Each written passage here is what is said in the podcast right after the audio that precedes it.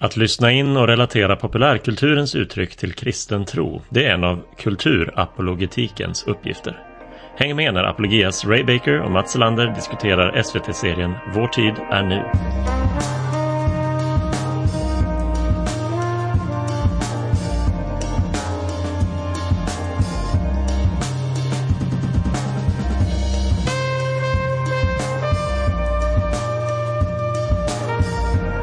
Ja, välkomna tillbaka till Apologia-podden. Jag heter Martin Helgesson.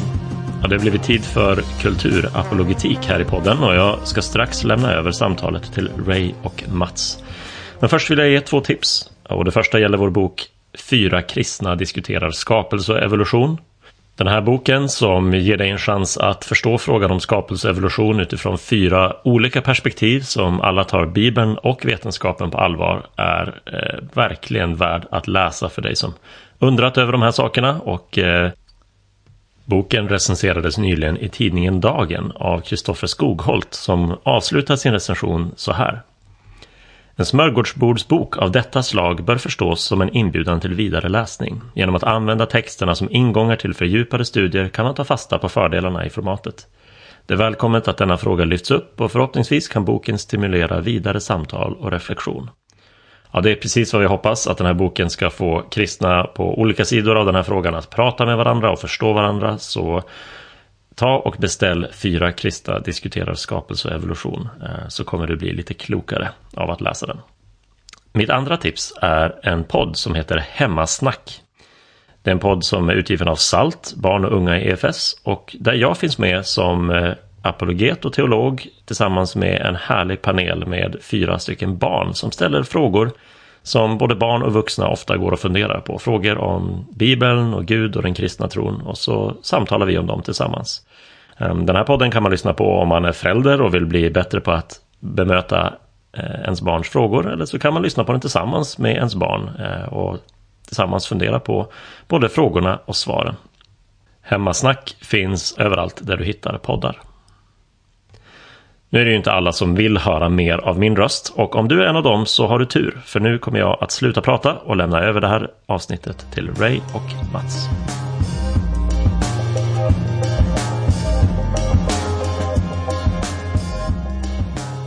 Ja, men hej Mats! Det är kul att det är du och jag som ska hålla i samtalet idag. Och idag ska vi fokusera på något som kan kallas kulturapologetik. Vad är det för något? Ja du, vad är det? Vi, vi brukar ju hålla på med, med filosofisk och historisk apologetik här i Apologia, men men eh, kulturapologetik är något lite annorlunda. Det är inte de här stringenta argumenten, eller hur va Ray? Utan det är ju lite, lite lösare i kanterna så va? Nej, precis. Det är, ja, men det är kanske bra att börja med att definiera kultur. Mm. Först när vi pratar om kulturapologetik. Alltså jag har eh, en bok här som har en, eh, ja, en definition. Jag läser upp den helt enkelt och sen får vi se vad vi tycker om mm. det. Det står här att kultur är ett dynamiskt mönster, en ständigt förändrande livmoder för saker, föremål, ljud, institutioner, filosofier, mode, förtjusningar, myter, fördomar, relationer, attityder, smak, smak, riter, vanor, färger och kärlek, vilka alla förkroppsligas i individer, grupper och föreningar många som inte ens vet att de är förenade i böcker, i arkitektur, i hur vi använder tid och rum, i krig, i skämt och i mat. Ja du Mats, vad säger du om det där då? ja.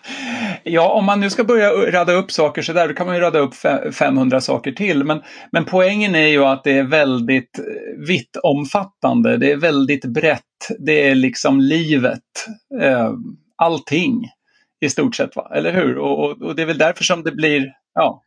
ja. Vi kan hitta på en enklare definition. Vi kan säga att naturen, naturen är allt som Gud har skapat och kulturen är allt som människor har skapat. Det är resultatet av människans förvaltarskap över jorden. Ja, nej men det, det låter väl utifrån kristen tro som en, som en bra uppdelning. Uh, å andra sidan, om man då inte tror på Gud, ja, tror man inte på Gud så, så blir kultur allt då. då. ja. ja. Men, men då är man en barbar i varje fall. Ja, nej men... Nej, men mm. det, är, det, som, det är som du säger, kulturapologetik är inte, li, inte lika stringent som filosofisk apologetik. Det, det, finns inte en enda, liksom, en specifik logisk poäng eller slutsats som man försöker komma fram till. Utan att eh, kulturapologetik handlar om att använda sig av olika kulturfenomen med musik och böcker och tv-program och filmer och konstverk och annat för att lyfta fram viktiga frågor som människor i vår kultur implicit ställer med just sin konst. Och sen att vi uh, utifrån vår kristna världsåskådning försöker att ge svar på dessa frågor. Just det, ja men precis ja. ja men jag tänker också, just det, kulturapologetiken är ju liksom att analysera både finkultur och populärkultur och så för att se då vad är det för teman, frågor som återkommer och vilka svar och alternativ till svar är det som på något vis presenteras i kulturen va? Det, till de här djupa frågorna. Det, och att liksom analysera det där och, och, ställa det i relation till kristen tro, det, det är väl, ja, det är kulturapologetik som jag ser det. Men hur skiljer sig kulturapologetik från typ en vanlig eh, filmrecension eller bokrecension? Ja, alltså då måste man ju slänga in teologi här eftersom det, apologetik är ju en teologisk sak och, och utifrån kristen tro så, så tänker vi oss att, att varje kultur är ju en återspegling både så att säga av, av Edens lustgård, hur det var tänkt att vara från början, liksom, och en följd av syndafallet.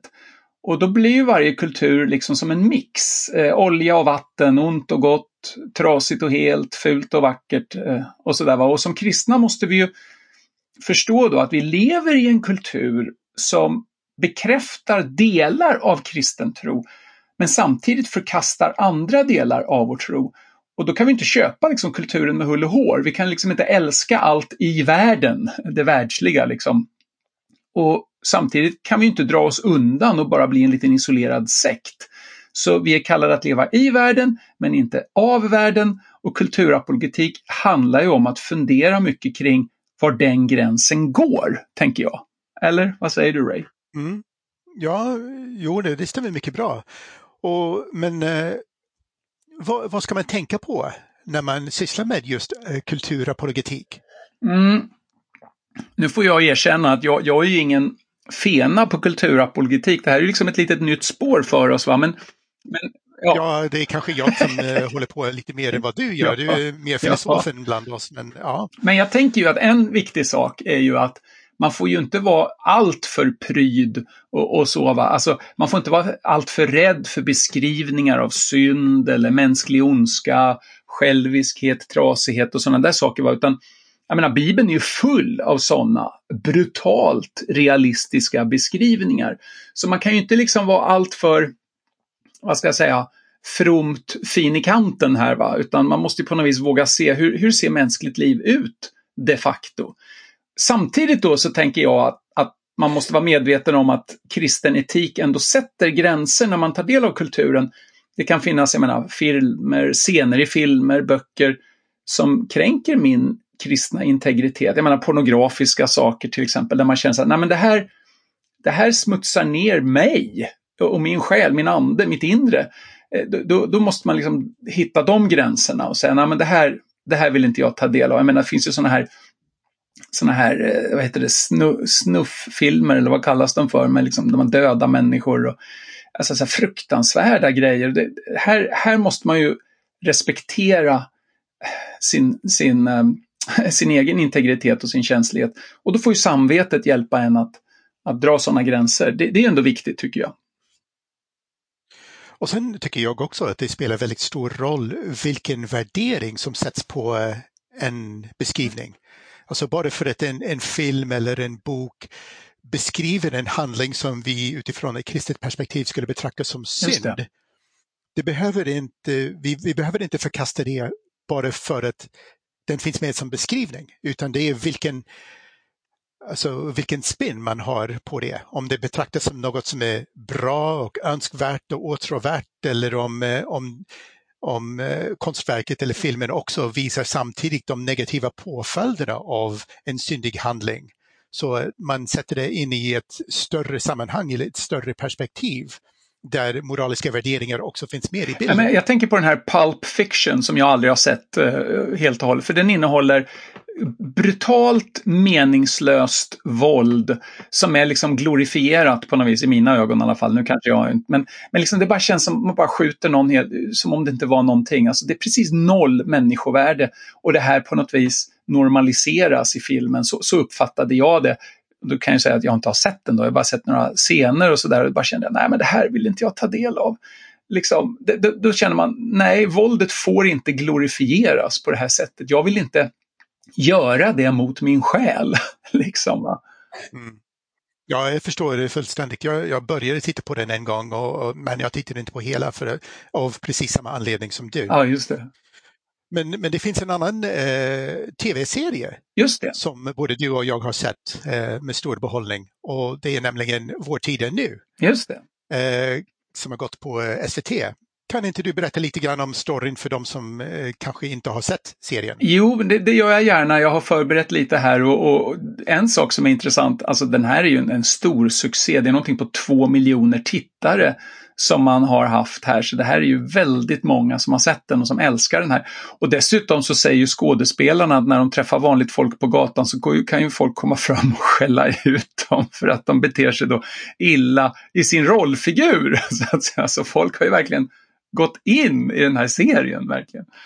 Ja, nej men det börjar då med en, en kyss på självaste fredsdagen den 7 maj 1945. Kalle Svensson är då en fattig arbetargrabb på väg till en nyanställning som kökspojke på en av stans finaste restauranger som heter då Djurgårdskällaren. Han tar cykeln och i fredsyran och trängseln på Kungsgatan måste han leda sin cykel och råkar då lätt köra på en ung dams ben, Nina Levander som då visar sig vara den yngsta dottern i familjen som äger den här restaurangen som Kalle är på väg till. Men det vet ju inte Kalle någonting om här då. Han ber förstås om ursäkt och Nina säger att det gör ingenting och de tittar på varann och rent spontant ger han henne då en kyss. Det är ju fredsyra och då får man ju liksom pussa vem man vill, typ så va. Så, så Nina blir ju överraskad och, men säger sen till sin väninna då att hon tyckte att han var söt. Så där. Mm. Sen då när Nina kommer till restaurangen så ser hon då Kalle. Hon visste ju inte att han liksom var en kök, ny kökspojke där. Va? Och från den stunden liksom så börjar ljuv musik uppstå dem emellan då. Och Kalle tvingas stanna kvar sent på, på restaurangen då. Han blir liksom bestraffad för att han var sen på grund av all trängsel. Um, och, och, Nina kommer ner till köket där på kvällen och är hungrig och Kalle gör fantastiskt goda rårakor till henne. Det visar sig att han är närmast en, en stjärnkock och sådär men det är ju ingen som vet nu ännu. Då, då. Och, och, de blir då förälskade, de har sex i kökets omklädningsrum eh, och de har då ett flertal kärleksmöten genom serien. Men relationen böljar liksom fram och tillbaka beroende på omständigheter och inte minst på den stora klasskillnad som råder mellan Kalle och Nina. Nina blir gravid med Kalle eh, och gör en hemlig abort. Eh, Kalle friar precis eh, i, i, direkt efter detta då och, och, Nina säger sig inte vara redo. Hon är ung, hon vill inte gå in i hemmafrurollen, hon vill resa. Framförallt vill hon utveckla restaurangens klubb och jazzaftnar som är då hennes idé och, och som kanske då kan rädda restaurangen. Som, och, sådär då. och de sårar varandra på olika sätt, säger förlåt, kommer samman igen Eh, men den första säsongen då slutar ändå med att Kalle gifter sig med Sonja som är då en söt, trevlig, lojal tjej som också jobbar i köket och som tillhör då samma klass som Kalle. Och de får en son tillsammans. Och Nina gifter sig med den snygge och rike överklassonen Erik och får dottern Kristina med honom. Men under då fasaden är Kalle och Nina fortfarande kära i varann. Och framförallt är då Nina djupt olycklig. För nu tvingas hon in just i den här hemmafrurollen som hon var så rädd för. Hon börjar missbruka alkohol och narkotika och hennes relation med Erik, och hennes man, blir bara sämre och sämre och det slutar med ett självmordsförsök. Och Nina hamnar i koma med flera brutna ben. Och hon ligger där på sjukhuset eh, och Kalle smyger sig in då på sjukhuset och sitter vid hennes sida och han pratar med henne fast hon då är i koma och han lovar då att aldrig mer lämna henne. där liksom slutar första säsongen då. Och, och sen är det då två säsonger till och sen kommer då den sista säsongen som bara består av fyra avsnitt som heter Vår tid är nu 1951 och tar kronologiskt vid där säsong 1 slutar. Eh, det är ju egentligen två säsonger däremellan så att alla får liksom leva i suspense där som en cliffhanger. Vad var det som hände mellan Kalle och, och Nina? Det är liksom i glappet mellan säsong 1 och 2 då. Eh, hur fick de varann? Därför att det slutar med att de inte har varann och sen börjar säsong 2 med att de är gifta. Och, och då den här, de här sista fyra eh, episoderna då förklarar vad som hände då. Och då får vi följa Kalle och Nina då under sommaren 1951 och efter några förvecklingar bestämmer sig då både Kalle och Nina för att skilja sig från sina respektive eh, små familjer och äktenskap då och sen gifta sig med varann. Äntligen har de fått varann. Va? Och äntligen har det blivit som det från början var tänkt det romantiska kärleksparet, de två individer som naket möttes i ren kärlek, har nu förenats och lyckan är gjord. Så det är alltså Ninas och Kalles kärleksrelation som hela serien är eh, uppbyggd kring, även om det finns många andra teman som ja, klasskampen och de eh, förändringarna som kom under efterkrigsåren och allt. Men det är ändå Kalle och Nina som står i fokus för hela serien. Eh, vad, vad, vad kan du säga om deras relation? Ja, i alla fall de två första säsongerna så tycker jag att det, det är mycket deras relation som är, som är i centrum. Och ja, ett stort tema i deras relation är ju faktiskt klassklyftan som skiljer Kalle och Nina åt och som omedelbart skapar problem för dem. Eh, jag menar, för att vara sann mot sig själv eh, och, och det faktum att hon är väldigt förtjust i Kalle så, så börjar Nina att ljuga om sitt namn. Eh, och, och, och de till och med säger så här, hade jag inte ljugit om mitt namn så hade ju inte vi då hade det inte blivit det här första kärleksmötet. Liksom, Nej, absolut inte, säger Kalle. Så, att, så att det är det som är så lite paradoxalt här, att de, för att vara sann mot sig själv måste de ljuga om sig själva. Eh, liksom klassamhället trycker på så mycket så det går inte att vara helt ärlig på något vis. Va? För att vara sig själv måste hon vara en annan. Och det är då klassamhällets fel. Och Nina sitter ju liksom fast i sin mors överklasskultur eller snarare övre medelklass, överklass wannabe-kultur. Eh, och Kalle och Nina har ju då flera hemliga kärleksmöten och Kalle säger exempelvis då följande till Nina här, jag citerar då. Eh, du kunde vara dig själv, jag kunde vara mig själv. Jag vet vem du är egentligen och jag tycker du är fantastisk. Och när Nina då pratar med sina vänner om Kalle så säger hon då, och så säger han att han tycker att jag är helt fantastisk. Och så här, va? Så man, man kanske kan säga att själva huvudtemat då i första och även andra, andra säsongen handlar mycket om krocken då mellan å ena sidan den oförställda kärleken mellan två individer och de roller dessa har tilldelats, mycket då på grund av klassamhället. Och den här krocken blir särskilt stark och smärtsam i Nina som då har svårt att bejaka sina äkta känslor för Kalle. Då. Så du, det, det, låter som att du är lite kritisk mot Nina. Ja, det... var, varför det då? Ja, när man... När man... Är, det, är du en sån som skulle gå fram till skådespelaren på gatan och kolla ut henne då för hur Nina beter sig i serien? Ja, ja precis. Ja. Nej, men grejen är ju den att man, man känslomässigt känner ju väldigt mycket sympati och, och man tycker väldigt synd om Nina. Men samtidigt när man liksom tittar lite mer krast på hur hon beter sig så, så Alltså, hon, hon, för det första, hon ljuger ofta och mycket. Hon ljuger nästan alltid om hur hon mår. Hon mår jättedåligt men försöker hela tiden hålla upp en sorts fasad. Eh, hon ljuger om sin abort och säger att hon fått missfall. Och hon ljuger inte bara för sin mamma utan även för Kalle, alltså sin livs kärlek och pappan till barnet. Ehm, hon ljuger om sin relation till Kalle, eh, säger att hon är ensam i en stuga när hon är med Kalle. Hon ljuger för sin mamma då förstås. Eh, hon ljuger om sitt missbruk. Hon ljuger inför andra. Hon ljuger inför sig själv, vågar jag nästan säga också. Visst, hon har sina moments of truth, va?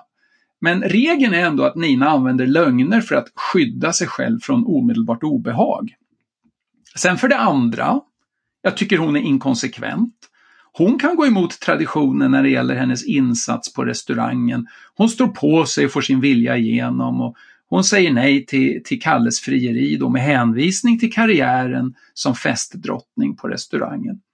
Men sen då när hon gifter sig med Erik istället, den här överklasskillen då, och han då är jättetydlig med att han vill ha en traditionell hemmafru, ja då lägger hon sig platt. Trots att hon inte ens älskar Erik. Den här inkonsekvensen kan man ju kanske tolka som en psykologisk, psykologiskt så här orealistisk glitch från manusförfattarna. Va?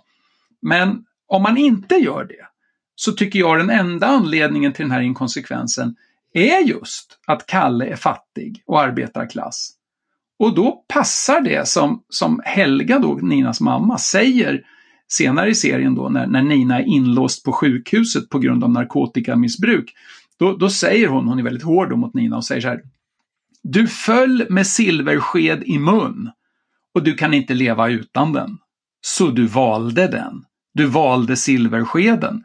Och, och, och det tycker jag verkar vara den rimligaste förklaringen till den här, liksom varför, ja, hon, hon vill ha överklassförutsättningarna. Liksom.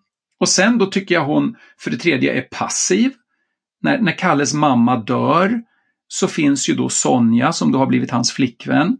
Hon finns där för, för Kalles lillebror Lelle, lilla Lennart då, som är helt utom sig av sorg. Och, och Sonja går in i en ställföreträdande modersroll där. Och av hänsyn till det så väljer då Kalle att inte gå vidare med Nina. Trots att hon då, Nina alltså, har sagt att hon är villig att satsa på Kalle, till och med gifta sig med honom. Men då kunde väl Nina tagit lite initiativ då? Varför, jag menar om hon nu kunde bryta med normen och till och med tänka sig gifta sig med Kalle, hade hon väl kunnat börja engagera sig lite i Kalles arbetarklassfamilj då? Varför kunde inte Nina sagt att hon måste växa in i rollen som en omhändertagande modersfigur för Lelle? Nej, istället är hon passiv och blir så besviken på Kalle. Ja. Men är det inte det att eh, Nina har varit så inkonsekvent att eh, Kalle inte riktigt vet var han har henne för någonstans? Det är därför han tänker, ah, ja men Sonja är så snäll och god och eh, så, så har han satsat på relationen med henne istället. Även om han i sitt hjärta inte kan ge upp, inte kan släppa tag på, på Nina. Ja, Kanske det, men man får ju samtidigt intrycket av att, att Kalle är så upp över öronen förälskad i Nina att han, att, att, att, det, att för egen del så vill han ha Nina. Men liksom av hänsyn till sin lillebror och sorgen efter mamman. Så, och han ser hur, hur Sonja går in och tröstar honom och så. Så, ja, jag vet inte. Jag, jag, sen, men sen så tycker jag också ytterligare en punkt är att jag tycker Nina är självisk. Alltså, det är Ninas roll på restaurangen eh, som hon faktiskt sätter före Kalle och kärleken till Kalle. Allt ljugande, all inkonsekvens, all passivitet är ju Ninas kortsiktiga strategi för att hitta den enklaste vägen fram. Hon sätter sig själv främst och inte hennes sanna väl, eh, för hon blir ju allt olyckligare för varje avsnitt under hela första säsongen. Men hennes ambitioner att vilja undvika obehag i hennes, eh, verkar bli hennes ledande princip.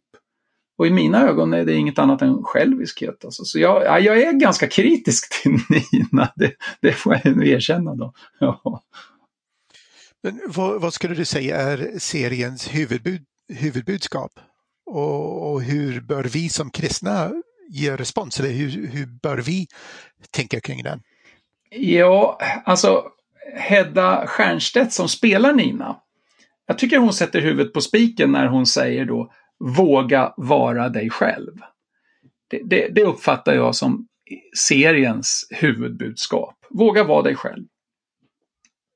Frågan är ju förstås vad det betyder. För Nina lyckas ju inte vara sig själv särskilt bra. Jag menar, hon vill ha kökspojken Kalle men inte tappa sin överklassposition. Hon vill förverkliga sina klubbdrömmar men också leva ett liv med Kalle. Eh, och, och, och, Kalle till exempel, hur kan han vara sig själv? När han väl skilt sig från Sonja och gift sig med sin stora kärlek Nina så får Nina honom att bli den här kända stjärnkocken i TV, en roll som han inte alls trivs med. För att göra henne till viljes så blir han någon annan än sig själv. Men med Sonja kunde han vara sig själv. Eh, men då fick han avstå från den romantiska, starka kärleken han kände till Nina. Va? Så det där är verkligen, var dig själv, ja, men, men serien problematiserar också den frågan och det tycker jag är en styrka med serien också. Även om betoningen fortfarande är på att det är den, det är den romantiska kärleken som du ska följa för att vara dig själv. Det är ändå liksom huvudbudskapet. Ja, men är det inte det så då att eh, så serien tar inte hänsyn till att eh, vi är syndiga människor? Att eh, ja, vi kan vara oss själva eller sträva efter att vara oss själva, men i mig själv är jag fruktansvärd. Jag är usel och jag gör elaka saker mot människor som jag älskar.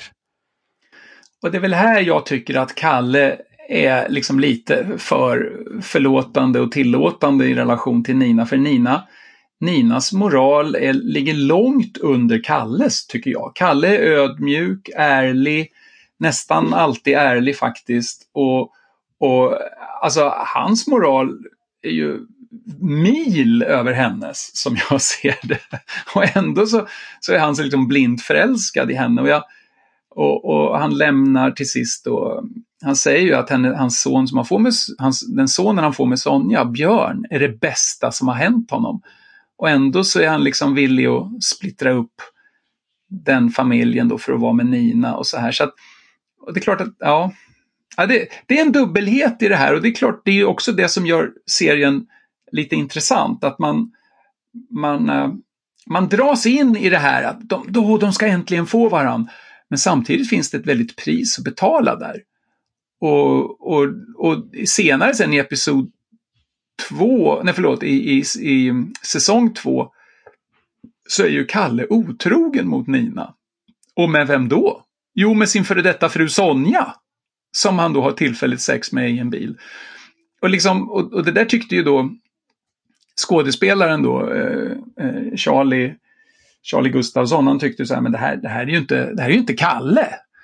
Men, men tanken är då kanske att att ja, fast den trygghet, det lugn, det, det, alltså, ni, Sonja och Kalle kan ju kommunicera. De är ju ödmjuka mot varandra, de är ärliga mot varandra. Och det är hela tiden lite neurotiskt och jobbigt i relation till Nina. Och Kalle liksom längtar tillbaks till det här trygga äktenskapet som han hade med Sonja. Det är bara det att han skulle vilja ha, han skulle vilja ha Ninas utseende men, men Sonjas karaktär liksom, eh, verkar det som. Ja. Jag tycker att det gör eh, Kalle lite mer eh, mångfacetterad då, för att det, det, är sant att vi alla oavsett hur snälla vi är som personer, alla kan vi göra väldigt hemska saker eh, och som går emot våra egna värderingar och våra egna övertygelser. Jo, precis. Så att så långsökt är det väl inte att han gör det här? Nej, det kanske inte är, nej, det är inte så långsökt och, och här kan man ju då, jag tycker ju att mycket av seriens, vid sidan om, om det här var dig själv, så är ju budskapet ungefär att klassamhället är en, en strukturerad på ett sådant sätt att du inte kan vara dig själv. Eh, och, och, det är liksom, så, så, så, här är ju liksom en sorts vänster en psykologisk vänsteranalys av, av samhället. Liksom. Klassamhället förstör relationer. Men, och det kommer fram lite grann i, i andra eh, berättelsetrådar som finns i serien. Då. Vi har Maggan som börjar jobba i köket och, och som klättrar upp sig inom socialdemokratin och, och uh, utbildar sig och blir statsråd och andra sådana berättelser. Så samtidigt som vi ser att arbetarklassen börjar ta för sig och eh, kräva sina rättigheter och, och eh, kräva större i jämställdhet och jämlikhet och annat i samhället så ser vi att den gamla överklassen försöker med allt vad de orkar att hålla fast i den här makten som de är så vana med. Just det. Ja men precis, de stretar emot med allt vad de har. Och samtidigt mm. är det då så att, att de har ju så säga, det här som den nya generationen vill ha, den friheten som de vill ha, den har ju den gamla så att säga, generationen eller det gamla klassamhällets representanter det har ju de liksom hållit för sig själva i en form av dubbelliv istället. Jag menar Helga och Backe som är då en, rela en relation som pågår. Helga är ju mamma, mamma till Nina och till, till bröderna då, Gustav och Peter. Och hon har ju haft då en utomäktenskaplig relation till Stig Backe som då var kocken. Så hon har ju haft sin egen kökspojke och den relationen påbörjades medan Helga fortfarande var gift med Johan. Johan är bara ett namn i serien, han finns inte med för han dog innan serien började. Va? Men men det kommer liksom fram att de har en historia, they go way back. Och det är en romantisk sexuell relation som har varit tidigare. Så Helga har ju levt dubbelliv. Gustav som ska upprätthålla hela fasaden och renommén och alltihopa. Han är homosexuell eller bisexuell och, och, och lever dubbelliv och så vidare. Så, så att det, det, här, det gamla gardet, de klarar inte av det heller. Utan de lever dubbelliv, de är liksom fariser. Och sen har du då det nya nya moderna liksom, med Nina i spetsen här. Ja, men man ska få leva ut sina, det man längtar efter, det man vill. Man ska få vara fri. Liksom. Och, och det kan man ju sympatisera med, men när jag, när jag tittade på det här först så blev jag frustrerad. Jag kände så här, är det bara fariser eller syndare man har att välja mellan? Är det ingen som klarar av att gå en, en väg här, på, mellan det här? Nej, nej, nej, jag, jag tycker att, eh, att Gust, Gustav är mer, man, mer eh, mångfacetterad än vad, vad, du målar upp honom här. För att det är klart, eh, det är klart att han har problem med, med alkohol och eh, så kämpar han då med homosexuella känslor på något sätt. Men han försöker att ta itu med det då och blir frälst, han blir pingstvän, går med i en pingstförsamling och lämnar arbetet där på restaurangen och allt och, och han och hans eh, fru åker ut till Afrika som missionärer. Eh, så vi ser även den här folkrörelsen med frikyrkligheten som också kommer in i bilden där. Så vi ser att ja, han har sina problem, men han har hittat ett annat sätt att försöka ta, ta itu med sina problem och vill ta dem på allvar.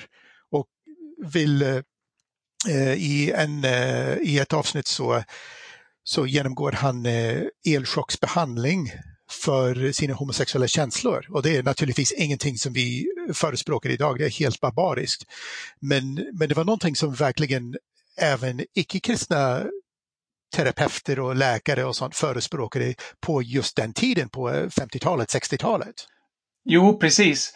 Och, och, och, det är ju lite intressant då hur, hur Gustav då han, han kommer ut liksom i en sorts ärlighet kring, kring sina känslor och, och, så och väljer då sin fru Astrid, väljer sin familj och, och, och sen då blir pingstvän. Och det är klart, sen är han liksom ute ur serien, han kommer väl tillbaks lite sen och så, men, men, men då han, och, det, det, det blir ju nästan som en analys av pingströrelsen. Den var utanför händelsernas centrum det var att isolera sig från kulturen, det var att lämna. Eh, och så. Jag tycker att det är väldigt intressant när man eh, ser hur svenska serier ska, ska beskriva liksom, ja, kristen tro eh, och i synnerhet då eh, frikyrkligheten. Här, här känns det verkligen som att, jag vet inte, men, men jag tycker att det känns som att det är ett gäng färgblinda personer som ska beskriva en färgglad tavla. Va? Det, det liksom blir platt, formellt, utan djup. Det blir krystat när man ser den här församlingen och allt det här.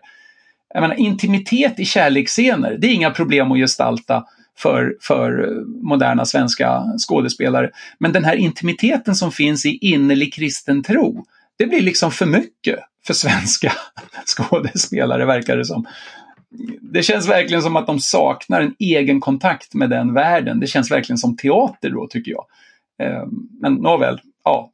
Men, mm. ja, men vi, vi, vi, skulle kunna fördjupa oss i olika personer och olika eh, berättelser i serien här hela dagen. Alltså det, ja, det är en serie, det är mycket värt att titta på.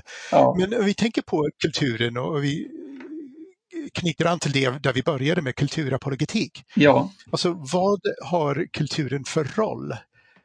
Är dess roll att återspegla samhället och dess värderingar? Eller att ifrågasätta samhällets värderingar? Eller att forma och visa vägen för samhället och dess värderingar, liksom att, att pusha någon slags agenda för här tycker vi att alla ska tycka.